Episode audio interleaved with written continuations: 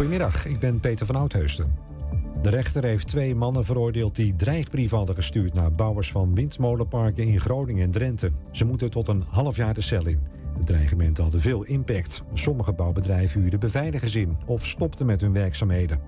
Ook supermarkt Lidl gaat corona zelftesten verkopen. Ze liggen in de loop van volgende week in de schap en kosten nog geen 3 euro. Dat is de inkoopprijs, zegt Lidl, om de aankoop laagdrempelig te houden. De zelftesten zijn ook online te koop en bij winkels als Albert Heijn, Kruidvat en Ethos. Artis is weer open. De Amsterdamse dierentuin was vijf maanden dicht, maar doet mee aan een Field Lab experiment. Mensen die een kaartje hebben gereserveerd mogen naar binnen als ze een negatieve coronatest kunnen laten zien. Wel moet je in Artis een mondkapje dragen en anderhalve meter afstand houden. En oud-sportjournalist Heinze Bakker is overleden, meldt de NOS. Bakker was presentator van Studio Sport en was ook verslaggever en commentator van het schaatsen, de Olympische Spelen, Tour de France en twee Elfstedentochten. Hij ging in 2002 met pensioen en was al geruime tijd ziek. Bakker was 79 jaar. Het weer dan flink wat zon met stapelwolken bij 9 tot 12 graden. We krijgen een heldere nacht met minima rond het vriespunt. Ook morgen droog en veel zon bij maximaal 13 graden. En tot zover het ANP-nieuws. Thema beveiliging staat voor betrokkenheid, adequate optreden en betrouwbaarheid. Waar de concurrent stopt, gaat thema beveiliging net een stap verder. Thema Beveiliging levert alle vormen van beveiliging voor zowel de zakelijke als de particuliere markt. Thema Beveiliging, de beveiligingsorganisatie van het Oosten. Telefoon 053 4800 560 of stuur uw e-mail naar info@themabeveiliging.nl. 120. En weet wat er speelt in Twente. Iedere dag praten we hierbij over alles wat er in Twente gebeurt. Via radio, tv en online. 120. Ik zou me laten testen om naar een evenement te kunnen. Onze stellingssquad ging Enschede in met die stelling onder de arm. De verhuizing van OIVO naar de Hazemeijer is in volle gang. Vrijwilligers krijgen zelfs een speciale training voor het nieuwe OIVO. Sarah uit Enschede is nog maar acht jaar en toch, ze bracht onlangs haar eerste boek uit. En 4 miljoen voor de verbouwing van de Deldenenstraat in Hengelo vinden ze prima. Maar toch stemde GroenLinks daar tegen de huidige plannen. Het is vrijdag 16 april en dit is 120 vandaag. En dat is de derde vrijdag van de maand, Julian. Ja? En dat betekent... Fransie, toch? She's back. Oh, ze is er al. En, en, en better than ever, dat gaan we, gaan we mee, misschien wel. Eh, We gaan het meemaken. Fransje, welkom terug. Dankjewel. Ehm, ja, we kunnen er toch niet eh, omheen. Begin van deze week begonnen we ook ongeveer ehm, met jou, maar dan in een andere hoedanigheid. Als docent, maar dan Ja. in een kapperstoel. We hebben wat beelden op de achtergrond. leuk. wat, wat heb je ook weer gedaan? Ja, ik heb eh, de verknipte kapper. Dus dat was in Deventer. Ehm, eh, maar ik ben docent op, in Enschede, maar ik woon in Deventer, vandaar. En ik heb studenten geknipt en gekapt met allemaal andere docenten. Dus de student Wieke hier, die zit in de stoel. En ik doe haar haar en geef ondertussen les. Nou jij ja, kunt ook gewoon naast dat je heel goed kunt tekenen, Ja. ehm, kun jij ook gewoon knippen. Nee, totaal niet. Maar je kunt echt. Ik heb nog nooit een stijltang, had ik nog nooit in mijn handen gehad. Ik vond het fantastisch. Wieke minder, denk ik. Maar ehm, nee, dat was echt heel erg leuk. En Dus dat was hebben, de drogreden om toch eventjes eh, je studenten te kunnen zien. ja, dat was het. En wa- wa- wa- Even verbinding. Ja. Wa- Wat doet dat nou met, met Fransje? Heb je daar nou echt met een, met een warm hart gestaan? Oh, echt. Ja, dit, is, dit is wat we. Nou ja, hier kan ik nog weken op teren. Dit vind ik fantastisch. Om eh, buiten de kaders toch een andere manier te vinden. om eh, ja, toch je studenten weer te zien. en eh, verbinding te zoeken. Heb je de leerlingen er ook op uitgezocht dat je dacht van jou moet nog hebben? Ik zal jou eens even Nee, nee, op mijn manier een steltang door de haar halen. Samen met mijn collega-vriendin eh, Marije Draaier. En we hebben gewoon een oproep geplaatst. En we hebben niet zoveel, maar negen studenten hebben gereageerd. En negen docenten. Dus dat kwam precies uit. Ja. En de kapper die zei, nou, ik doe mijn kapperstaak open voor jullie. Want ik vind het een leuk idee. Dus Is dit een herhalend eh, fenomeen? Wordt dit... eh, nou, dat vragen veel mensen. Dus bij deze een oproep aan Enschedeze kappers. Als je dit leuk vindt en je bent maandag dicht... komen wij langs met heel veel studenten. En ehm, dan ga je daar gewoon... eh, les 300 geven. studenten straks zo, in de nee, dat maakt me net. Nee, we hadden allemaal tijdslots en zo. Dat ging allemaal helemaal goed. Maar eh, ja, nee, dat lijkt me leuk. Zou jij laten testen om naar een evenement te gaan, eh, Fransje? Nou, daar hadden we het al over. Ik moet me straks waarschijnlijk gaan testen... om naar mijn eigen evenement te gaan, namelijk lesgeven. Ja, je, je, moet straks je laten testen om les te geven. Om les te mogen geven. En die studenten dan ook om les ja, te krijgen. Ja, dat is wel het idee, toch? Dus dat uh, docenten en studenten van HBO zich laten testen. Ja. Dat, dat gaat gepaard met die versoepelingen waar steeds het, oh, die 26 april die je hoort. Ja, en dat, ik weet nog niet zoveel, kan ik bij deze zeggen, maar ik hoop het, ja. Doe maar. Eh, hoeveel, weken, of hoeveel dagen per week geef je les? Ja, ik geef vier dagen les in de week. Ja, vier wattenstaafjes per week? Nou ja, dat denk ik niet. Volgens mij is het één keer per week. Dus dat het een soort van peiling is hoe, uh, nou, hoe het gaat. Ja. Maar um, ja, als, ik, als echt studenten daardoor naar Saxion zouden komen, dan doe ik dat. Want we, hebben eerder, we hadden een keer een gesprek met iemand uh, wiens zus stewardess was. En bij, vanuit die branche werd best wel geklaagd. Die moesten zo vaak ja. testen dat die hele neuzen kapot gingen. Ja. Ben je niet bang voor? ik moest aan hele andere dingen denken waar je neus kapot van gaat. Nee, ja, ja. Daar komen we later nog wel even. Oké, oké. Hey, um, uh, heb je een, ga je het hier uh, over doen? Want je maakt natuurlijk, hè, voor de mensen die dat uh, niet weten, je maakt een tekening. gedurende deze uitzending ga je iets opvangen waarvan je denkt, daar kan ik wat mee. Dan maak je een spotprint, een tekening over een cartoon. Heb je al iets vanuit de opening dat je denkt, nou, misschien kan ik daar wat mee? Nou, ik vond die, dat boek heel leuk. En jij zei zelf ook iets over uh, sociale advocatuur. Dus dat vond ik ook interessant. Ja, daar gaan we het ook nog over hebben. Ja, De uitholling van de, de sociale advocatuur en eigenlijk onrecht voor armen. Een soort van klassenjustitie die daardoor ontstaat. Ja, en ik hou wel wel een beetje schoppen. Ja, ja en je, je bent ook wel van, uh, van inderdaad dat hele sociale... Je, je, om daar wat controle op te, te ja, hebben. dat lijkt me wel... Dus misschien, ja. We gaan het meemaken. Succes. Dankjewel. Fransje. Doei. En tot zometeen. Ja, zoals elke week gaat de stellingsquad weer op pad om hun stelling van de week voor te leggen bij de inwoners van Enschede. Deze week luidt de stelling als volgt: Ik zou me laten testen om naar een evenement te gaan. Vandaag gaan wij de stad in met de stelling van de week. En de stelling van de week is: ik ben bereid om me te laten testen zodat ik weer naar een evenement kan gaan. Vind je ervan? Ja, zeker. Ja, sure. Um, ik zou het zeker doen. Ik vind het wel verstandig. Uh, ja, ik vind dat wel een, een goede. Altijd. Ja, ja. Daar ben ik het wel uh, mee eens, eigenlijk. Ja, nou, ik, vind, ik vind dat een goed idee. Ja, ik ben wel bereid om mij te laten testen. Ja, ik zou, het, ik zou het zelf ook wel doen, denk ik. Ja, nou ja, het zou mooi zijn als we daar weer naartoe kunnen, inderdaad. Zeker. Het duurt allemaal zo lang, dus... Uh... Ik ben wel bereid om mezelf te laten testen. Dat is geen probleem. Maar als het om die reden gaat... Ik weet niet of het handig is om dat iedereen te laten doen. Mag ik vragen waarom? Um, nou, op dit moment kan het helemaal niet. Dus uh, ja, als het testen het mogelijk maakt. Ik vind zelf heb ik geen probleem met uh, om het te laten testen. Ik bedoel, als je daarmee zeg maar... Oh, de, dat is. Uh, iedereen kan helpen en ook zelf een beetje ja? de zekerheid Hoor je hebt. mij? Dat, oh, perfect. Dat je Mooi. gezond bent. Ik ja, ik hoor jullie ook goed. het is gewoon belangrijk. Ja, nu we op dit moment hoe we ook in deze coronatijden zitten... wil je toch wel een beetje... Ja, je mist toch gewoon de vrienden om je heen en de gezelligheid. Dus ja, ik stem wel voor. Dat we de stad in kunnen, evenementen, dat zou mooi zijn. Ik denk voor bars en zo dat het misschien een beetje extreem is om je elke keer te moeten laten testen. Maar als met een festival of zo had ik gehoord dat er plannen waren dat je gewoon elke dag laat testen. En uh, ja, als het dan wel kan, en I don't mind doing it. Ja, dat vaccineren, dat moeten we ook allemaal gewoon gaan doen. En laat je lekker testen van corona. Ik ben er klaar mee. Uh, ja, Dixie. En wat is het eerste wat je dan uh, gaat doen als het weer kan? Café in. Ja? Ja, terrasje, biertje drinken. Nou, ik werk in de horeca, dus uh, heel graag weer dat terras op. Zowel zelf daar zitten met een drankje als uh, werken. Ik zou wel graag naar Pinkpop willen als het weer mogelijk is. Nou, ik denk dat ik wel gelijk een festivalletje ga pakken, ja. Ligt er, ligt aan wat er natuurlijk open is, hè, ja. Anything, really. ik uh, denk Zwarte Cross. Oké. Okay. Ja, dat is wel een go-to dingetje voor mij. Uh, indoor evenement. Okay. Een beurs of zo. Oh, ik denk dat eerst naar de voetbalwedstrijd van FC Twente ga. Daar staat weer maar naar het stadion, gezellig, voetbalwedstrijd kijken. Toch wel interessant, hè? Want hier, het lijkt erop dat deze mensen wat meer bereid zijn om zich te laten testen. Terwijl toch de officiële cijfers gisteren werd door Veiligheidsregio Twente gezegd dat de Twentenaren 10% minder bereid zijn, als in zich 10% minder laten testen, uh, dan uh, het gemiddelde in het land. Er is dus nog werk aan de winkel. Ja, dat is er. Maar voor deze mensen niet, want die, die willen dat over het algemeen. Dan nu naar Hengelo. De verhuizing van Oivo naar de Hazemeijer is daar in volle gang. De muziekschool, kunstenschool en het Techniekmuseum komen onder één dak en in een nieuw jasje. En om de ongeveer 100 vrijwilligers uh, klaar te stomen voor het nieuwe hoofdstuk, moeten ze een uh, speciale training volgen. In de studio is Eugenie Krikhaar, hoofd museale zaken bij OIVO. Eugenie, goedemiddag. Goedemiddag, dankjewel. Um, hoe, hoe gaat het met de verhuizing? Ja, goed. Het gaat heel goed met de verhuizing. Nou, jij gaf het net al heel mooi aan. We komen inderdaad vanuit Crea Center voor Kunsteducatie vanuit Muziekschool Hengelo, Techniekmuseum Heim. En wij zijn samengesmolten tot OIFO. En wij gaan nu echt met de organisaties onder één dak en echt als één OIFO.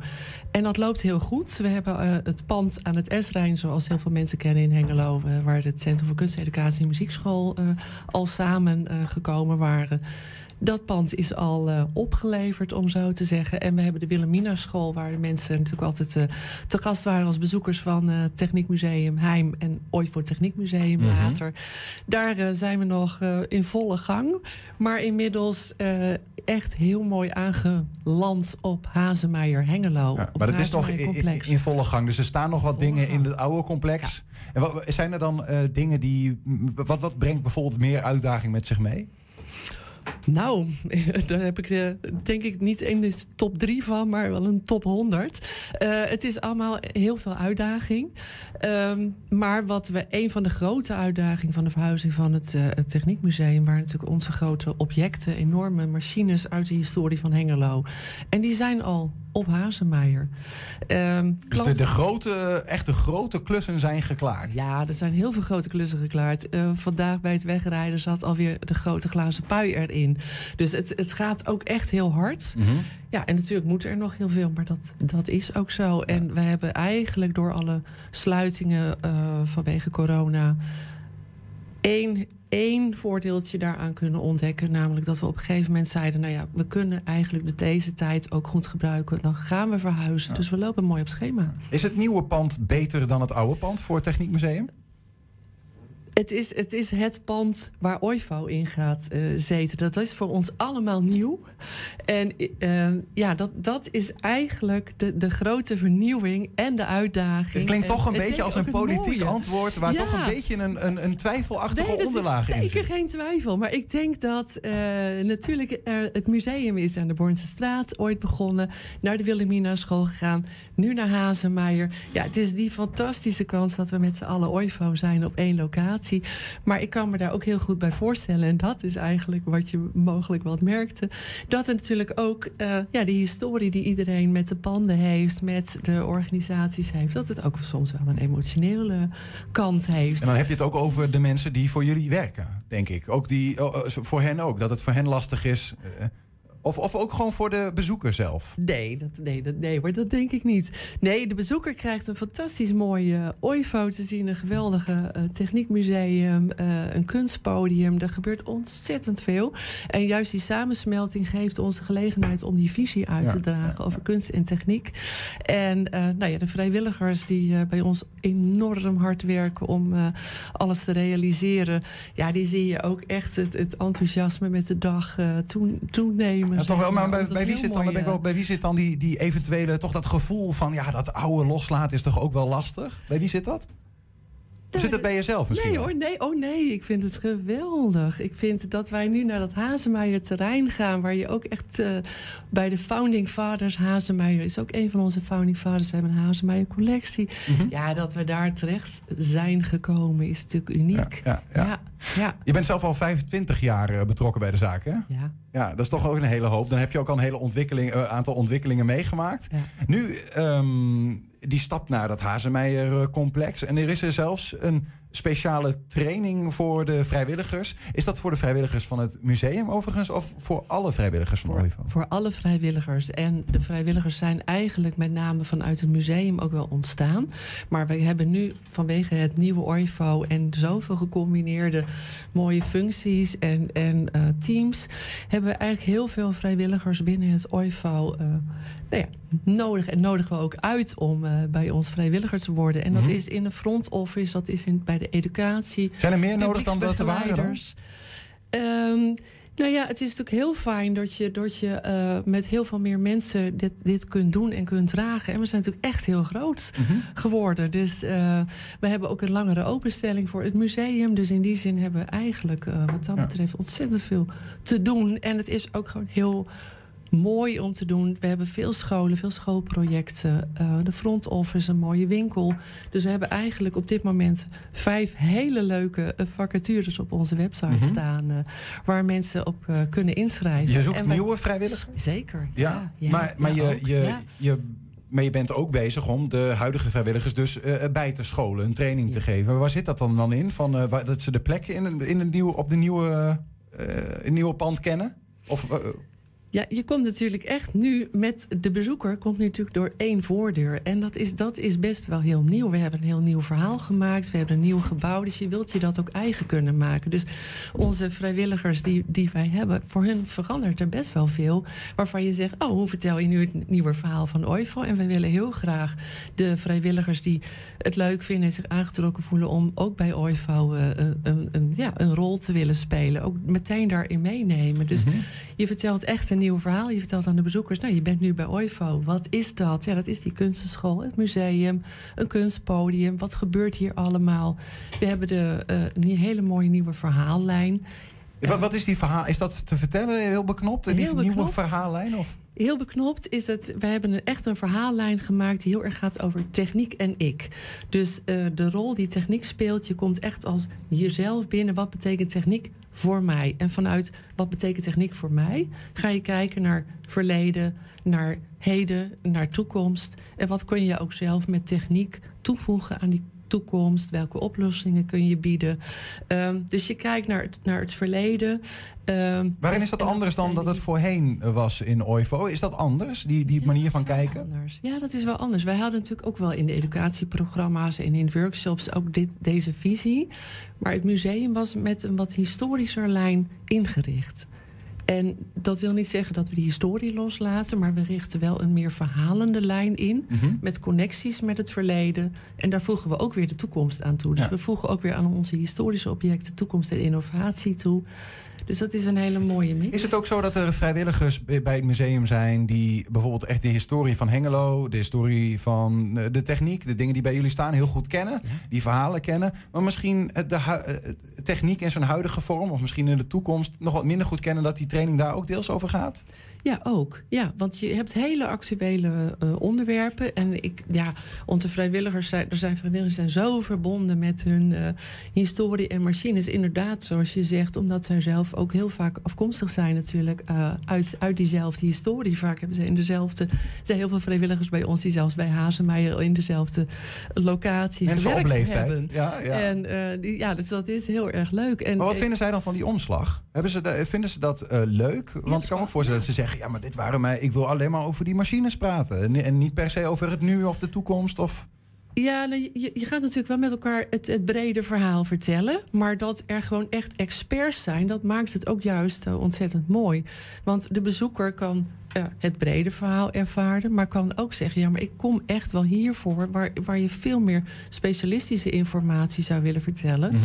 En ja, dat, dat, dat kunnen deze mensen bij uitstek. En wat wij ook heel mooi vinden aan het- de combinatie met nieuwe vrijwilligers, is natuurlijk ook dat je die kennis ook weer overdraagt. Want je wil die kennis die aanwezig is zo verschrikkelijk graag behouden. Dus dat maakt het eh, ja, tot een mooie. Die, samen, die, die, die samensmelting. Hè? Daar ben ik ook nog wel even. Hè? Een, een muziekschool, kunstenschool en het techniekmuseum. Waar we het nu ook over hebben. Waar eh, van alles op techniekgebied van Hengelo te zien is. Maar ook over eh, Ik en de Planeet waar je het over had. Gewoon eh, interactief familiemuseum. Ehm, w- w- van waar die samensmelting eh, kan ook best wel een beetje gek voelen. Zo van, eh, wat heeft een muziekschool nou met een techniekmuseum te maken? Hoe eh, gaan jullie straks dat integreren, zeg maar? Nou, we hebben dat eigenlijk zo al geïntegreerd. Doordat natuurlijk een harde ples blijft een harde ples. En een stoommachine blijft een stoommachine. Maar als je op een andere manier je verhaal vertelt. dan zie je natuurlijk ook die combinatie tussen kunst en techniek. Dat overal techniek achter zit. Of dat achter techniek ook kunstzinnige oplossingen zitten. of vormgeving. Dus wij proberen eigenlijk één verhaal te vertellen. waardoor je op een bepaalde manier gaat kijken en dat ook echt herkent. We maken combinaties, ook in workshops, in vakantieactiviteiten, Mhm. in lezingen, in programma's, waarbij het, ja, het hele logische vorm krijgt tot kunst en techniek, muziek, dans, beweging, theater. Gaan ze, gaat het ook echt letterlijk met elkaar, eh, bijvoorbeeld dat we een dans in het museum gaan zien of wat dan ook? Is, zitten dat soort kruisbestuivingen er letterlijk in? Dat soort kruisbestuivingen zit erin. We hebben op een gegeven moment wel gezegd... Wel, het hoeft er niet met de haren bij. Het moet op een natuurlijke manier zijn. Maar dat soort kruisbestuivingen zijn erbij. En je ziet ook nu al gebeuren... eh, dat doordat je in dat ene gebouw zit... dat het ook heel makkelijk schakelt. Je ziet heel snel die mogelijkheden ook. En dat, dat is wat, wat eh, echt een meerwaarde eh, brengt. Je komt wel voor één ding, toch? Als je straks naar OIVO gaat, dan zeg je wel... ik kom voor het museum of ik kom voor de kunstenschool... of ik kom voor de muziekschool. Kunstpodium. Ja, maar wat, ja, dat is zo. En maar wat wij eh, inderdaad hebben gedaan, is dat als je voor de kunstenschool komt, is er ook een hele bewuste keuze gemaakt dat heel veel van de, onze atelierlokalen ook rondom die museale ruimte zijn. Dus je krijgt altijd van alles dat mee. De museumbezoeker krijgt mee dat, jij, dat er in de lokale uh, uh, boetseren gegeven wordt of keramiek. Dus er gaat continu gaat dat heen en weer. Dus je, je komt misschien voor één ding, maar je denkt, oh, ik wist helemaal niet dat dat hier ook kon of dat dat hier was. Is er een soort van uh, doel te vertellen in één zin of zo? Van wat, wil je, wat hoop je nou dat de bezoeker van het nieuwe OIVO loopt binnen als hij weer naar buiten loopt, wat hij dan mee heeft gekregen. Wat hoop je daar? Ja, nou dat is inderdaad wat we hebben gezegd. Als je naar buiten gaat, dat je aangezet wordt. We hebben echt dat credo, OIVO zet je aan. Dat je een hele route hebt gezien, dat je heel veel hebt gezien en denkt oh, maar ik kan daar een bijdrage aan leveren. Of, oh, dat is leuk, daar, daar kan ik in de toekomst iets mee doen. Dus je wordt aangezet en wij hopen dat als je naar buiten gaat... dat je je ogen weer op een hele andere manier richt... en andere dingen gaat herkennen. Nou, stel dat er nou een luisteraar is die aangezet is om uh, bij jullie uh, te denken van... Nou, ik wil daar iets in betekenen, vrijwilliger worden, op welke manier dan ook. Waar kunnen ze zich dan melden? Bij de website kan je heel goed even de informatie bekijken. Daar staat alles op, www.oifo.nl. En daar staat onder werken bij OIFO, vrijwilligerswerk bij OIFO... alle informatie over deze leuke vijf vacatures die er zijn... in de front office bij educatie als publieksbegeleiders. En uh, nou, alle informatie die mensen willen hebben... Uh, neem daar vooral uh, contact met ons op. Ga dat zien, oifo, o-y-f-o.nl. Eugenie Krikhaar, dank voor de komst naar Enschede. Dankjewel. En succes met het nieuwe museum. Dankjewel en van harte welkom allemaal.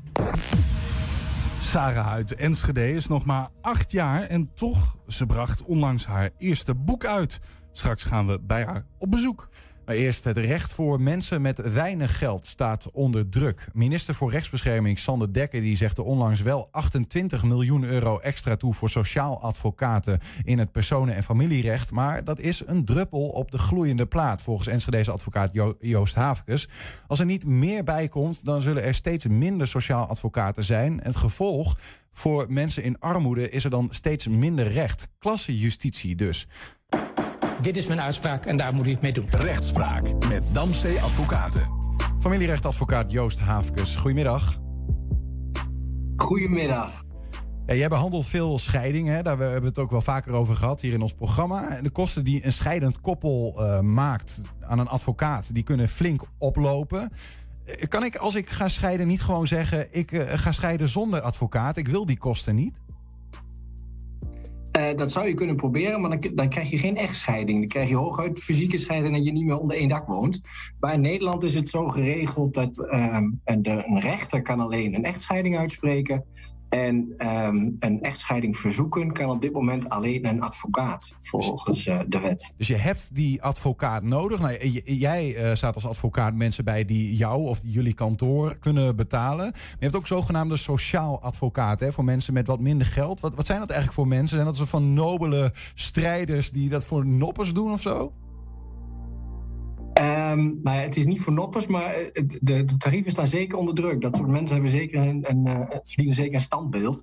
Um, feitelijk is het zo, iedereen in Nederland heeft recht op door de overheid gefinancierde rechtsbijstand. En dat wordt ook wel een toevoeging genoemd. Een advocaat wordt aan je toegevoegd.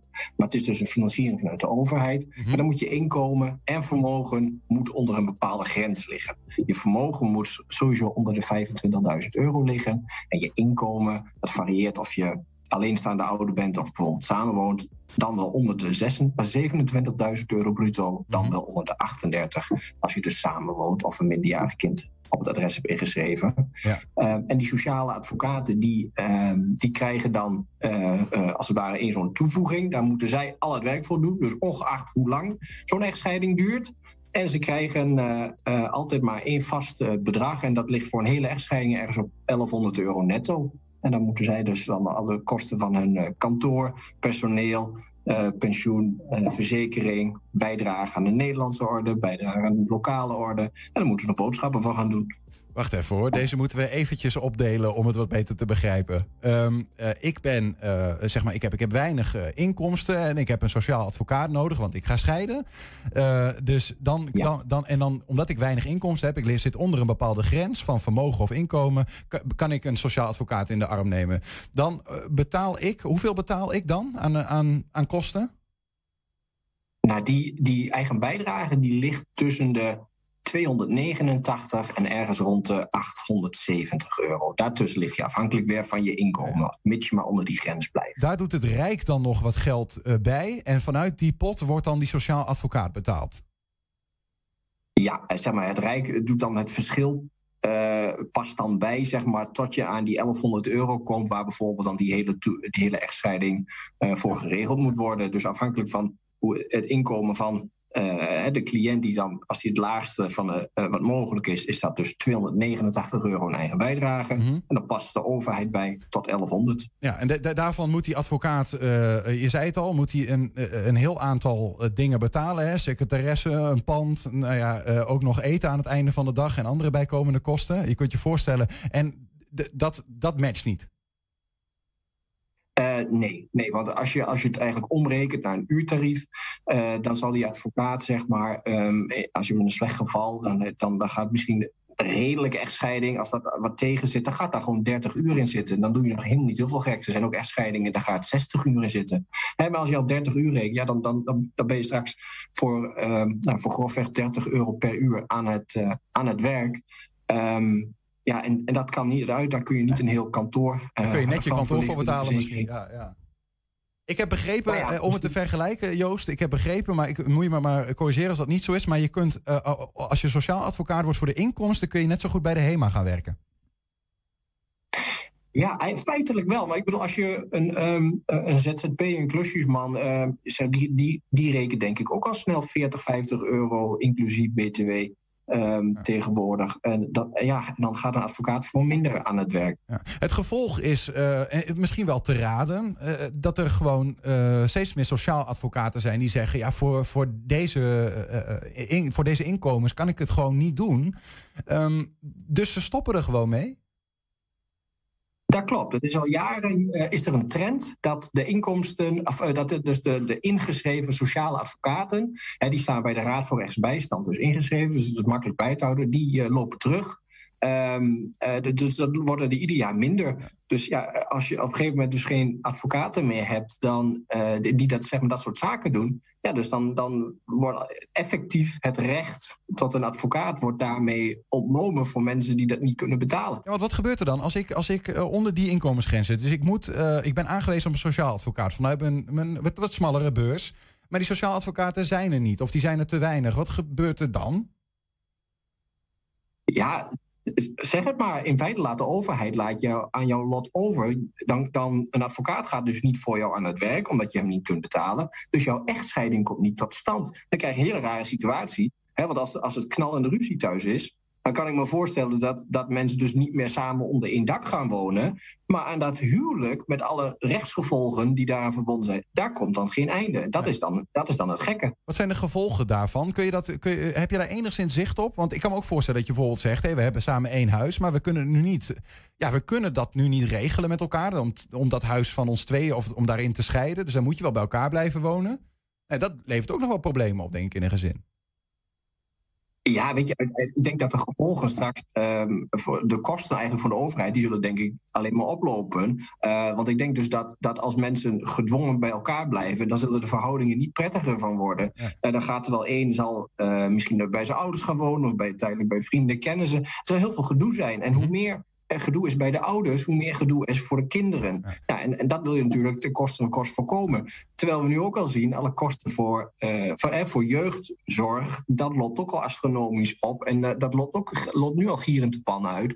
En, en die kosten zullen alleen maar meer oplopen dan. Dus door het aan de voorkant goed te regelen, laat ouders eh, scheiden, zet daar een professional op en zorg dat die, dat die verhoudingen zo goed mogelijk uit elkaar worden getrokken. Door dat niet te doen, ja, dan heb je nou, de, de welbekende vechtscheidingen die jaren doorgaan. En, je kinderen, en de kinderen gaan eraan onderdoor. Nou ja, 28 miljoen nu vanuit vanuit eh, de minister voor eh, sociaal advocatuur in dit familierecht bijvoorbeeld, op dat gebied. Nou, dat, dan zijn we er of niet? Uh, ja, dat, dat, dat, denk ik een paar maanden. Dat is denk ik de druppel op de gloeiende plaat. Uh, er is recent ook onderzoek naar geweest. De namen weet ik niet meer van de onderzoekers. Maar die, die zeggen eigenlijk, eigenlijk moeten er per jaar, moeten er in orde van grootte, enkele honderden miljoenen per jaar, moeten daar, moet daarbij. Wil je dat op de lange termijn dus effectief op die manier volhouden? Mm -hmm. Maar ja, als je dan kijkt naar, gewoon naar, naar de, onze grootste kostenpost, is sowieso al de, de zorg. Dus ja, het, ja, het is een beetje goedkoop, duurkoop lijkt het wel. Ja, ja want dit gaat dan over hè, jouw vakgebied, het familierecht, uh, scheidingszaken bijvoorbeeld, waar we het over hadden. Maar het speelt eigenlijk veel breder. Hè? Het speelt ook binnen de bijstand, bijvoorbeeld mensen die gedoe hebben met de, met de overheid. Wat overigens het vaakst het geval is als mensen een aanspraak doen op sociale advocatuur. Zeker, zeker. Het is eigenlijk nog met die, met die toeslagenaffaire is eigenlijk ook, ook gebleken, daar is ook onderzoek naar gedaan is. En dat uh, heel veel mensen toen eigenlijk ook geen, uh, geen bijstand hebben gekregen van, van, de, van een advocaat, omdat die advocaat dan die een toevoeging wilde aanvragen, dat er werd afgewezen. Dus daar was al genoeg over. Mm -hmm. Maar ook zeg maar voor ieder rechtsbelang uh, kun je vaak een toevoeging dus krijgen, zeg maar. Oftewel, dan kun je naar een advocaat gaan die daar verstand van heeft, van dat rechtsgebied. En die gaat dan die toevoeging aanvragen. Ja. Mits jij daar dan recht op hebt, krijg je hem ook. En dat is dus ook tussen consumenten onderling, uh, en, en familierechtkwesties, maar ook tegenover de overheid, belasting. Uh, als je een vergunning niet krijgt, tegenover de gemeente. Ja, Joost, als wij het er al zo over hebben, volgens mij is het best een begrijpelijk verhaal. Dan voel ik aan alles in mijzelf, dit klopt niet. Dit voelt onrechtvaardig voor de minder draagkrachtigen. Dan moeten ze toch in Den Haag ook voelen. Uh, uh, hoe komt het dan dat er, uh, wat, dat er toch weinig geld bij komt? En wat is dan de uitleg van een minister dat dat niet gebeurt? Of van een Tweede Kamer? In de Tweede Kamer wordt er wel wat, wordt er zeker meer lawaai gemaakt, gelukkig. maar de minister, die, die zeker voor het familierecht, zegt hij eigenlijk: we, we, willen inzetten op andere oplossingen. Dan willen we uh, uh, nou ja, professionals in, maar die dan geen advocaten zijn. en die dan toch die, die echtscheiding moeten gaan begeleiden. Ja, nou ja, het is een beetje natuurlijk de slager dan die zijn eigen. Welke professionals zijn dat als dan? ik dat zeg. Ja, maar, welke professionals ja, moeten dat dan zijn in plaats van jullie? Ja, dus dan, dan, dat bijvoorbeeld uh, mensen van het juridische loket uh, mensen bij gaan staan. Dat uh, eventueel dat je jezelf daarvoor verzekert en dat verzekeraars daar een rol in gaan spelen. maar het is natuurlijk de vraag of die mensen wel een, een rechtenopleiding hebben. Um, ja, en, en of dat dus inderdaad dan ja, want het is, ja, het is vrij specifiek uh, als, je, als je gaat verdelen en alimentatie moet berekenen. Het is niet voor niets dat wij daar uh, uh, vier jaar voor naar de universiteit gaan, drie jaar een advocatenopleiding en dan nog drie jaar een specialisatieopleiding specifiek voor het familierecht. Mm -hmm. um, ja, dus dat, dat is natuurlijk, kies je voor kwaliteit of, um, of niet. En wat zegt dan tot slot misschien, wat zegt dan de minister tegen de sociaal advocaten die nu nog in het vak zitten, die, die strijders? Ja, die, die heeft, hij heeft in het verleden gezegd dat uh, dan maar uh, beroep moest worden gedaan eigenlijk uh, op de intrinsieke motivatie. Dus dat is hetzelfde als je naar, nu naar een chirurg gaat die tonnen per jaar opstrijkt. Die zegt dat kan wel met 30 euro per uur. En we doen een beroep om jouw intrinsieke motivatie om mensen beter te maken. Ja. Dat, dat is eigenlijk wat er nu wordt gezegd tegen die sociale advocaten die gewoon al een standbeeld verdienen. Ja, ja, maar intrinsieke motivatie kun je niet op een boterham leggen. Hè? Dat, Nee, dat is lastig. Ja. Nee, ja, maar het, het, speelt nu. Ik denk dat het echt een serieus probleem wordt. Dus het, is, het staat nu nog misschien wat in de. In de eh, denk ik, in, zeker in het oosten van het land. Is misschien, je kunt nog wel genoeg advocaten vinden die erbij staan. Maar ja, je weet niet hoe dat over vijf jaar is. Ja, dat is echt wel een serieus probleem. Dank voor, uh, voor het uitleggen van dat probleem, Joost. En um, nou ja. Uh, ik, ik, ik, hoop echt dat het, dat het beter wordt, dat dit geagendeerd wordt, dat het gezien wordt en dat het uh, mag verbeteren, zodat er in ieder geval rechtvaardigheid voor iedereen is in Nederland. Precies. Hoop ik ook. Joost Haafkes, dankjewel. 4 miljoen voor de verbouwing van de Deldenerstraat in Hengelo vinden ze prima, maar toch stemde GroenLinks daar tegen de huidige plannen. Waarom? Dat hoor je zo meteen. Maar eerst naar de achtjarige Sarah Dekker. Zij is een van de leerlingen van Vrijnet Basisschool De Bottenhoven in Enschede. Vanaf groep 1 doet ze al veel met teksten en tekeningen. Nu heeft ze zelfs een echt boek geschreven. Ja, dat is haar eerste. En wij gingen langs om dat eens van dichtbij te bekijken. Wat heb je gemaakt? Waarom staan we vandaag hier? Hmm, ik heb een boek gemaakt. Mag ik hem zien? Kijk. Wat, en waar kwam, hoe kwam je op het idee? Ik wou gewoon een boek maken. En want ik zag dat, het- dat je heel veel van ruimte houdt. Heb je daarover een boek geschreven? Ja. En wat staat er allemaal in? Kun je wat, waar gaat het verhaal over? Laat ik dat zo zeggen. Dan ga ik door een wormgat heen. Oké. Heb je dat ook allemaal zelf getekend? Ja. Vond je dat niet moeilijk? Nee, niet echt. Hoe lang ben je ermee bezig geweest? De hele lockdown. Want Sarah heeft dus een boek geschreven. Eh, in hoeverre bent u betrokken met het boek? Nou, zij heeft het, het boek gemaakt in de lock, tijdens de lockdown. Toen zaten we thuis. Toen moest ik thuisonderwijs organiseren. En wat ze hier op school doen, is ze schrijven elke week teksten. Dus ze schrijven hun eigen verhalen en ze tekenen hun beelden bij de verhalen. Dat, is, dat begint bij de kleuters al. Dat tekenen ze en vertellen ze de dingen. En die juf die schrijft de, de verhaaltjes erbij. En naarmate ze beter in taal worden, gaan ze hun eigen verhalen opschrijven. Dus ze hebben ook eh, bijvoorbeeld de klassenkrant elke drie maanden. En daar hebben alle kinderen hun verhalen in met hun tekeningen. Dus ze zijn het wel gewend om dat te doen. Ik kan diepte in huizen tekenen en in straten. En ik kan ook wormgaten tekenen nu. En ik kan diepte in bollen tekenen. Kun je dat ook al? Oh, dat is wel heel gaaf. Het zijn niet allemaal tien losse hoofdstukken. Het is echt één aansluitend verhaal. Het is een, een reis die ze maakt. Ze wordt opgezogen door een soort welf, wervelstorm... terwijl ze met het hondje aan het lopen was. En dan komt ze ergens terecht in een vreemde wereld... waar ze totaal niet van snapt wat er is. En dan gaat ze dat allemaal ontdekken. Heb je al heel veel reacties ontvangen? Dus ben je, ja, reacties over het boek? Zijn er mensen die je boek willen kopen, bijvoorbeeld? Hmm, Ja, wel tien boeken. Tien boeken? Ja. Tien boeken? Echt? Ja. Oeh, dat zijn wel heel veel. Want je hebt de teksten ook helemaal zelf geschreven. Mm. Met een beetje hulp van papa. Eh, er was ook vertaling en dat was in het Portugees. Want kan je zelf ook Portugees? Ja, een beetje. Maar dan, toen zei ze op een gegeven moment... nou, misschien zijn er nog wel meer mensen die het willen hebben... want ze kreeg zoveel positieve reacties. Kun, en, toen- en toen zei ze, hoe gaat dat eigenlijk? Ik zei, nou ja, dan heb je een, een boekshop online. En toen heeft ze de eigen Sarah's Bookshop gemaakt... met een eigen logo. En, en ze maakt nu ook rekeningen zelf... voor bij de boeken te doen. En ze heeft er nu al tien verkocht. Dus, eh, en inmiddels is die ook eh, door mijn eh, partner... is die samen met haar in het Portugees vertaald. En er zijn ook al twee boekjes naar, naar Brazilië verstuurd. Ik ging wandelen met mijn hondje Senta. Plotseling kwam er een wervelstorm. Die zag me op. Verschrikt liet ik Senta los. En daar gaat het verhaal een beetje over. Dat op een gegeven moment. Oké. We zijn weer thuis. Ik ga het af en toe geheim houden, omdat toch niemand het zou geloven. Kijk. Nou, wat leuk. Kijk, wat tof van je. Ik vind het heel goed van je. Ga je nog meer boeken schrijven? Mm, misschien.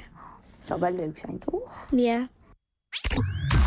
Geweldig. Lief, ja. hè? Dat lief. Ja, ze had het over wormgaten. En dan kon je van de ene naar de andere kant. Het gaat over vervoer. En zo is het brugje naar ons volgende item snel gelegd. Oh, Niels, wat doe je dit goed, hè? Ja, want de Hengeloze gemeenteraad stemde woensdag in met het beschikbaar stellen van ruim 4 miljoen euro voor de afsluitende werkzaamheden aan de Deldener straat daar.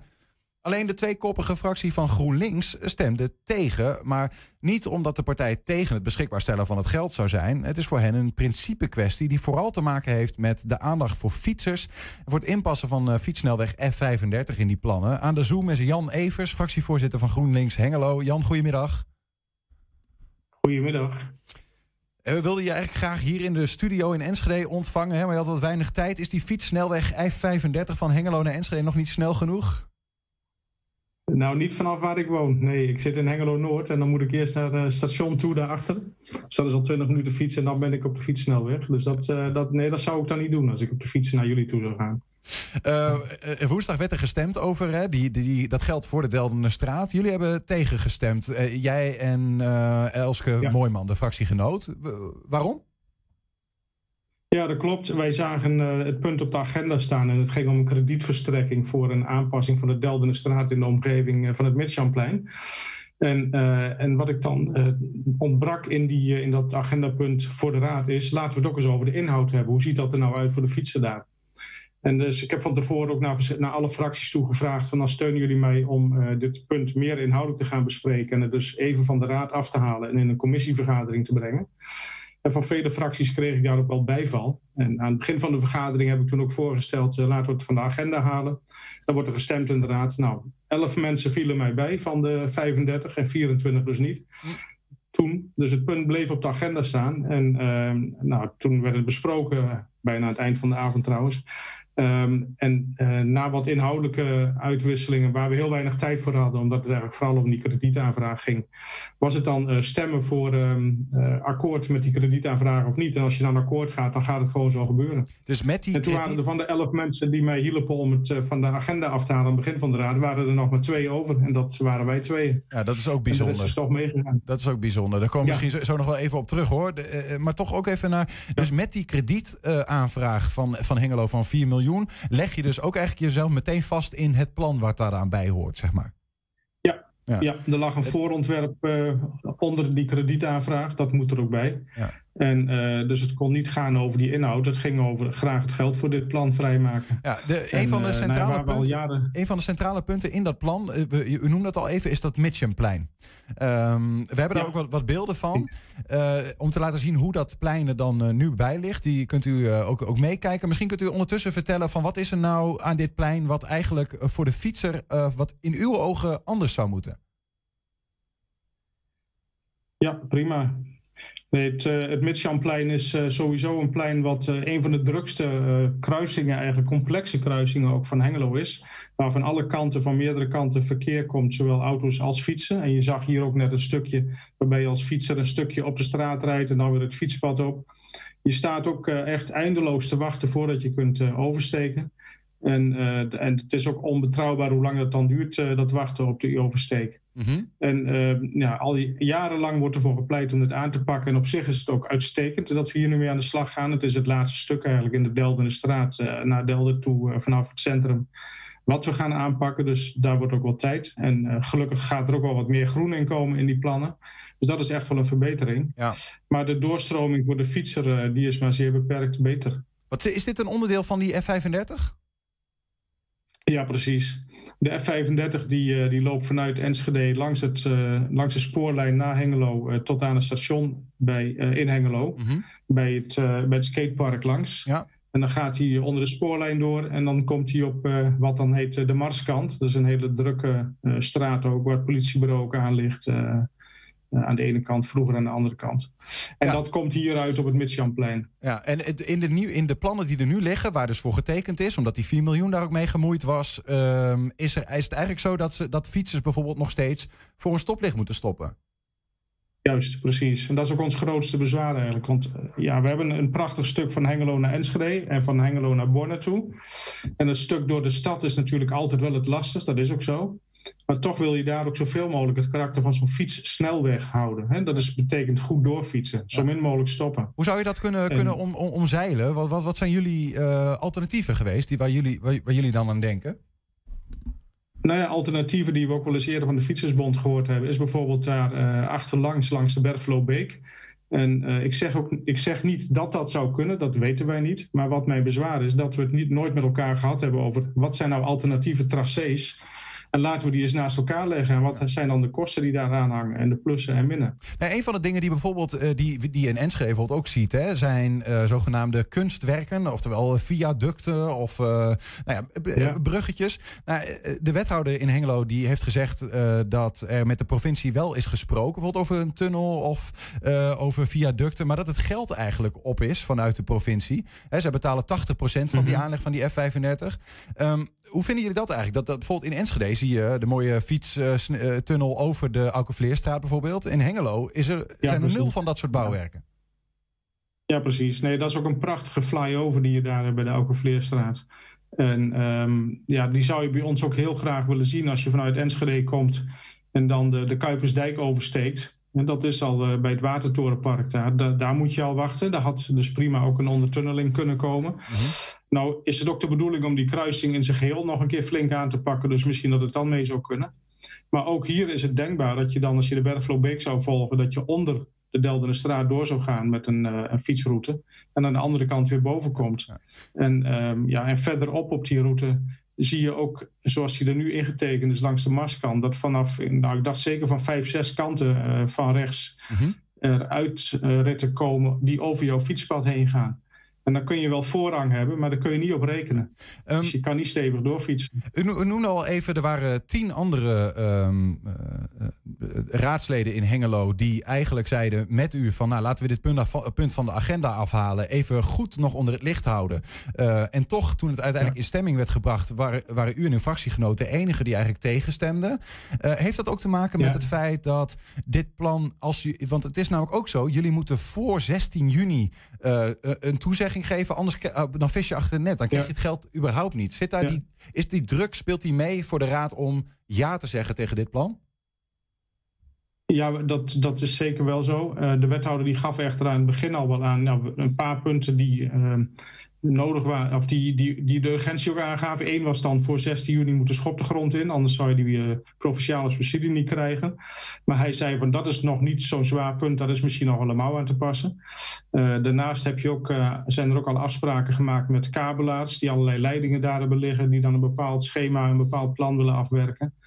Um, ja, en dat kan allemaal zijn. Maar zoals we het nu hier gaan neerleggen, gaat het voor tientallen jaren liggen. Mm. En, uh, en ja, dan moeten we daar toch echt de tijd voor nemen om daar goed naar te kijken. Maar die druk heeft zeker meegespeeld en ik denk onterecht uh, zwaar ja. opgevat door de, de, andere fracties. Ja, maar is, is dat uw verklaring dat dus uiteindelijk dat uh, eigenlijk u en uw fractiegenoten de enige waren die tegenstemden? Want omdat er toch meer twijfel was. Ja, dat, dat vermoed ik wel. En, de, en, dat is juist een punt. Hè? Als je, stel dat hier een politieke markt, zoals het in Hengelo heet, of een commissie zoals in Enschede aan zou wijden, dan bereiden de fracties zich daar ook echt op voor op een inhoudelijk gesprek hierover. Ja. En nu lag alleen maar een financieringsvraag voor. Ja. Dus over de inhoud hebben we het maar heel kort kunnen hebben, een paar minuten. Nou ja, jullie hebben tegengestemd. Uiteindelijk is dat een soort van signaal daar maar geweest. Want ja, met twee uh, stemmen tegen win je natuurlijk de wereld niet. Uh, uh, volgende maand gaat er dus gewoon begonnen worden eigenlijk met de werkzaamheden zoals ze nu in het plan zijn gesteld. Um, kunnen jullie nog ja. iets? Kunnen jullie nog iets betekenen in die werkzaamheden? Of is het nu gedaan? De, de, zoals het plan er nu ligt, gaat het gebeuren. En uh, de wethouder heeft al aangeboden om uh, met elkaar nog een keer een, een, soort technisch beraad te hebben, waarin wat dieper ingegaan wordt op de voor's en tegens van hoe het plan er nu ligt. Maar het plan gaat gebeuren zoals het er ligt. Ja. En hij heeft ook al aangegeven bereid te zijn om te kijken naar van zoals het plan er dan nu uitgevoerd wordt. Waar is er dan misschien nog iets te doen aan die, die, zijrit, die zijuitritten die je dan hebt, uh, die op het fietspad, fietspad uitkomen? Ja hoe je dat veiliger kunt krijgen. Want dat ga je ook verderop krijgen, richting Borne gaat dat ook gebeuren. Hoe kan het eigenlijk dat dit zo ontstaat? Want uiteindelijk is, ik neem aan dat zo'n plan niet met stoom en kokend water uit de grond wordt gestampt, toch? Dus, de Fietsersbond heeft meegedacht, zei u al. Die heeft ook daar bepaalde aanbevelingen gedaan. Ja. hoe bestaat het dan dat ja. in het plan überhaupt niet de, opties, de andere opties worden meegenomen? Nou, zeg het maar. Ik weet het niet. Het is, uh, wellicht zijn die wel meegenomen, maar niet besproken met ons in ieder geval. En, en waar ik eigenlijk voor pleit is dat we niet alleen op zo'n onderdeel van Hengelo kijken naar die F35. En dat we het hele fietstracé vanaf waar je Hengelo binnenkomt tot aan het eind, dat je dat met elkaar dus bespreekt. Want hoe je het op één klein plekje invult, bepaalt natuurlijk al heel veel voor hoe het verderop nog weer mogelijk kan zijn of niet mogelijk kan zijn. Misschien en toch... die, dat, dat, die hele route bespreken hebben we nog niet gedaan met elkaar. Misschien toch en dat ook, is ook al bijna voorbij nu. Ook, ook afsluiten, Jan Evers, met, met, met iets moois. Um, hopelijk dan. Hè. Is in dit nieuwe plan dan wel genoeg gedacht aan jullie eerste term in jullie partij, namelijk groen? Um, van ons mag het altijd meer, nog zeker. Maar er zit zeker wel aandacht voor groen. Je, zit hier ook echt, je ziet hier ook echt wel meer groenruimte dan in het uh, plein zoals het er nu ligt. Um, en dat is echt wel een verbetering, zeker. En ook waar je nu uh, straks dan langs kunt fietsen, een van de uh, passeerpunten van het Midchamplein parkeerplaats is nu alleen voor fietsers en niet meer gedeeld voor fietsers en auto's. Dus er zitten wel absoluut wel verbeteringen in. Maar ik denk dat het nog beter had gekund. Bij deze GroenLinks Hengelo fractievoorzitter Jan Evers. Bedankt voor de reactie en uh, hou ons op de hoogte van de ontwikkelingen. Doen we, graag gedaan. Dankjewel.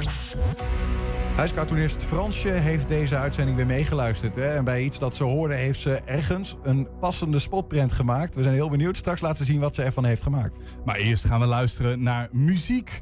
De Willem Wilming-prijs voor het beste kinderlied van 2021 wordt namelijk aankomende zondag uitgereikt aan een van de vijf finalisten. Daar kanshebbers zijn Typhoon, Jurian van Dongen, Jasper Smit, Gerjan Schreuder en Jan Groenteman. Aangezien u waarschijnlijk niet alle muzikanten zo 1, 2, 3 kent, hebben we een compilatie gemaakt van alle nummers. Wanneer de blaadjes vallen, dan ga ik naar het bos. Daar zijn de avonturen en die lopen los. Zijn ze wild en ik een beetje bang, maar dan zie ik wat het is, dus dat duurt dan niet lang. Maar dat is raar, wat hoor ik daar? Ik zie het niet, zeg jij het maar. Ik zie een plons daar in het water. Iets kleins en groens dat ook nog kwaakte. Een diepe teug en zijn keel wordt dikker. Ik weet het, ik weet dat toch, dat weet ik wel. Het is een, het is een olifant,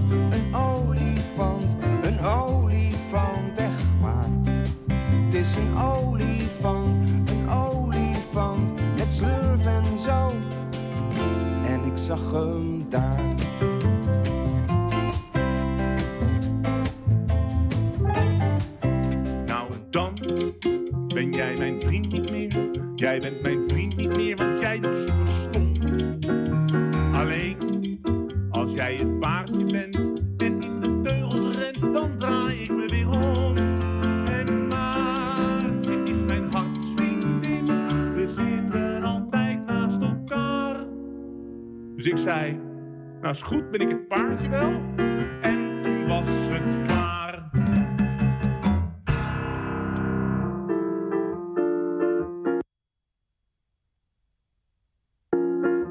We gingen ons verkleden met de kleren uit de kist.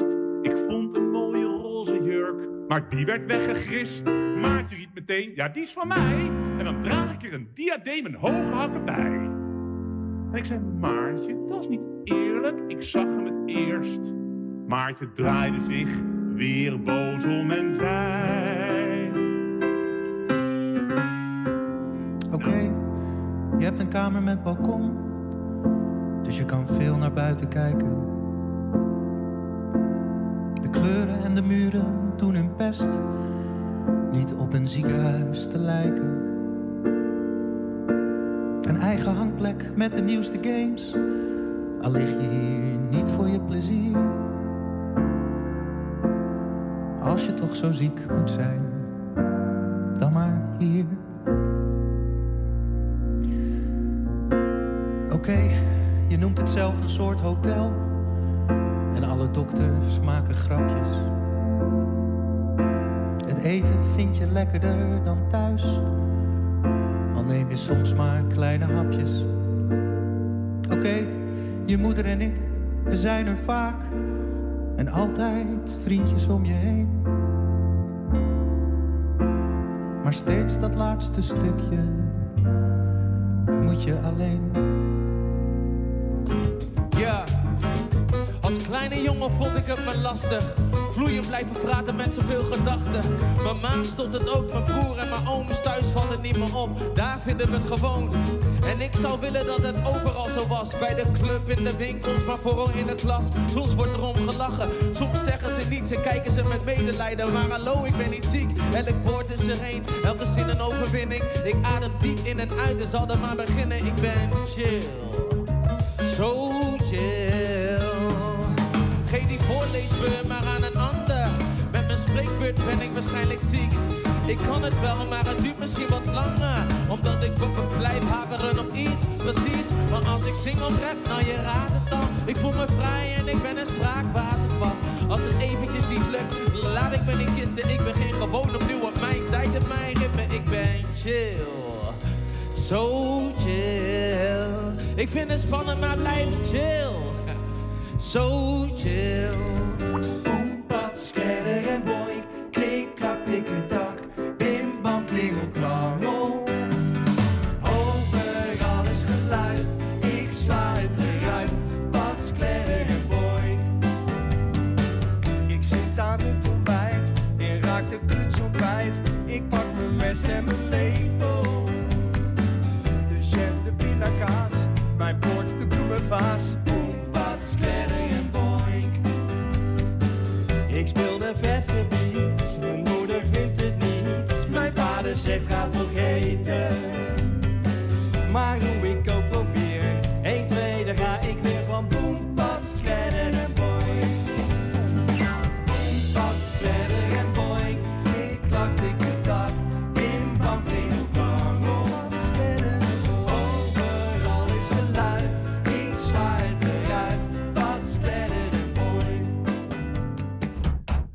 Ja, swingend zaten we hier in de studio. Maar van deze vijf finalisten kan er natuurlijk maar eentje de Willem Wilming-prijs winnen. Aankomende zondagmiddag wordt dat bekendgemaakt. De prijsuitreiking is om vier uur te volgen via een livestream op wilmingtheater.nl. Ben benieuwd. Fransje, welcome back. Ja, voordat we naar eh, de afsluitende column gaan van Bart Peter Zweem, eh, zijn we natuurlijk ontzettend benieuwd wat je ervan van gebrouwen hebt, eh, deze aflevering. Ja, die sociale advocatuur, die zat toch wel in mijn hoofd. Ja, Ja, dan dus, krijg je het er eh, niet meer uit. Nee, dan krijg ik er niet Dan meer moet je uit. er wat mee. Nee, dus daar heb ik wat mee gedaan. Ja, kom En, op. eh, daar is die. Nou, wat zien we? We zien mij zo'n beetje kijken van ja, weet je, ik, ik heb gewoon de oplossing, misschien wel. En eigenlijk, ja, 60% van de sociale advocatuur zijn zaken tegen de overheid. Dus overheid. Als jullie dat nou eens zelf aan gaan pakken, zoiets als een toeslagenaffaire, kunnen de sociale advocaten zich focussen op die 40%. Scheelt iets. Ja, dat is eh, is. wiskunde voor gevorderden dit volgens mij. eh. Nee, maar ik kan daar gewoon niet tegen. En dan denk ik, 60% van die zaken zijn tegen de overheid. Dat kan, is dus allemaal, want de overheid die gaat dus zelf ook zeg maar subsidie geven dan tegen zichzelf of zo. Ja, Ja, oh man. dat klopt niet, hè? Nee, Dat en dat- en dat, dat, nou, dat gaat dan een kort, Ja, kortsluiting in hersenen. Ja. Maar en dan die toeslagenaffaire, ja, ik, ja, nee. Nou, want Dus- dat, dat is een van, een van de punten waar, waar mensen natuurlijk uiteindelijk eh, van in de problemen raken. Ja. En dan ehm, een advocaat in de arm moeten slaan om maar te procederen tegen een overheid. En het is- zijn er maar heel weinig die uiteindelijk echt hebben geprocedeerd, volgens mij. Want ze maken het zo lastig mogelijk, zodat je dat maar inderdaad niet doet. Ja, En dan ook nog dit, ja, het klassenjustitie en zo, ja, dat vind ik echt heel erg. Ja. Ja. Nou ja, goed, eh, we hebben natuurlijk met, met onze omroep hebben wij eh, heel veel gesproken over armoede in Enschede. Mhm. En ehm, dan wordt daar gezegd, en ik quote dan de mensen die veel werken met mensen in armoede, dat er soms ehm, nou ja, door, de, door de gemeente een besluit wordt genomen. En dan zegt iemand, ja, volgens mij klopt dat niet, volgens mij wordt mij onrecht aangedaan. En dan wordt er gezegd, ja, dan moet je maar eh, in bezwaar gaan. En dan kijkt de rechter er wel naar. Maar ja, heel veel mensen eh, hebben natuurlijk helemaal geen middelen om in bezwaar te Nou, dat, en heb je dat wel eens gedaan? Heb je, ben je, Nee, ik ben- nee, ik ben nog nooit. ik heb nog nooit- gelukkig Nou, nog nooit een Niels, advocaat. Nee, maar dit is hard, volgens mij is dat hartstikke lastig. Maar sowieso heb je wel eens een, eh, een, een brief gekregen van de overheid thuis of van eh, iets. Weet je, het is zulke lastige taal ook. Zullen we daar nou met z'n allen eens even aanpakken en dat gewoon wat makkelijker maken? Bij deze activist Fransje heeft weer gesproken. Dankjewel Fransje, tot de je. volgende keer. Doei! Je mag, je mag anders nog wel even blijven zitten. Want eh, we hebben de column van Bart Petersween. Bart is er zelf niet. Maar die heeft wel thuis in zijn eigen studio voor ons een afsluitende column van de week. Beste luisteraar, ik ben er niet. Misschien hoorde u het al aan het geluid of zag u het op de stream. Ik ben niet in de studio, want ik heb iets belangrijkers. En ik begrijp dat u nu denkt: "Huh, hoe is dat mogelijk? Wat kan er nou belangrijker zijn dan een paar minuten zitten in een klein en benauwd hokje met Niels Veurink en zijn collega's? Maar toch, er was iets belangrijkers. En dat had te maken met dit nieuwsbericht van afgelopen woensdag. Visdeurbel Oudegracht Utrecht ruim 32.000 keer ingedrukt. En toen ik dat las, toen dacht ik, hé, wat is een visdeurbel? Geen idee. Is een visdeurbel misschien een soort voordeurbel in de vorm van een vis? Waarom? Is dat dan misschien een soort ichtesteken als op de auto om te laten zien dat je gelovig bent? Een soort warm welkom voor Jehovah-getuigen of zo, die willen dan aanbellen. Oh, wat een verrassing, hier zitten we goed. Maar zelfs met een deurbel in de vorm van een vis, waarom zouden Jehovah's 32.000 keer aanbellen? Hoe lang was die persoon wel niet thuis? Wat is dat voor een religieus commitment? Maar terwijl ik daar mijn hoofd over aan het breken ben, zegt mijn vriendin tegen mij: misschien is de visdeurbel wel voor vissen. Waarop ik reageer: Hé, wat is dat nou voor iets belachelijks? Want als een vis bij mij aanbelt, dan zou ik toch nattigheid voelen. Dan ga ik me toch afvragen of mijn huis onder water zou staan. Die huizenmarkt in Utrecht is blijkbaar nog erger dan bij ons. Wat is dat nou met dat rare bericht over die visdeurbel? Maar wat blijkt? Het is een website met een camerabeeld onder water voor een sluis, de Weertsluis. En een sluis is zo'n ding waar boten doorheen kunnen. Maar soms dan willen er blijkbaar ook vissen door die sluis, maar dan zit die sluis dicht en dan kan die vis niet verder. En als u en ik dan kijken naar die stream en die vis zien wachten, dan kunnen wij op een virtuele deurbel drukken, zodat de sluiswachter bij genoeg vissen dan de sluis kan openen. Briljant! Eindelijk heb ik het idee dat mijn leven zin heeft. Ik zit nu hele dagen te kijken of ik misschien een vis zie, zodat ik op die bel kan drukken. De meeste tijd zie je alleen maar een vaag bruin beeld, maar er zou zomaar wel een keer een vis kunnen opduiken. En als dat gebeurt, dan zit ik klaar en druk ik op die bel en red ik een vis. Dit is toch de perfecte metafoor voor het leven. Zijn wij niet allemaal maar wat aan het rondzwemmen in de hoop dat iemand voor ons op de bel drukt, zodat de sluizen opengaan, zodat we verder kunnen in het leven. De visdeurbel als analogie voor het glazen plafond, voor discriminatie en voor de verschillen in onze maatschappij. Voor welke vis wordt nou eigenlijk op de bel gedrukt? Hebben de brazem en de snoekbaars misschien wel meer of minder rechten als de paling? Wordt die laatste misschien toch afgestraft omdat het een schoolverlater is? U begrijpt dat dit belangrijker is dan een column. Ik ben dus niet in de studio. Ik zit voor de visdeurbel. En mocht u dat nou echt heel zielig vinden voor de heer in de studio, dan zou u kunnen overwegen om ze zelf maar deze week even gezelschap te houden. En als u daar naar binnen wilt, dan hoeft u alleen maar eventjes op de bel te drukken. Prachtige column van Bart. En zo is de cirkel weer rond. De hè? cirkel is We weer zijn rond. weer bij onrecht. We Ja. zijn er weer.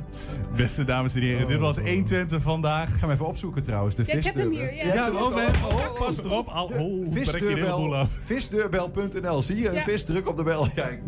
Dit is goed. Nou ja, tot zover 120 vandaag. Laten we dan op een positieve noot eindigen. Ga straks even naar de visdeurbel.nl. Even kleine reclame. Ga gewoon lekker kijken. Voor nu zeggen wij in ieder geval tot ziens. Fijn weekend. En eh, vanavond de 8 en 10 uur kun je nog terugzien op televisie. Als je denkt, nou ja, eh, fijn weekend. Zeg nou wat. Wilt nog een keer kijken? Joh, ga lekker vanavond op tv kijken. Nou, het is zeker gezellig. Tot maandag. Tot maandag. 120. Weet wat er speelt in Twente. Nu het ANP-nieuws. Goedemiddag, ik ben Peter van Oudheusden. De rechter heeft twee mannen veroordeeld die dreigbrieven hadden gestuurd naar bouwers van windmolenparken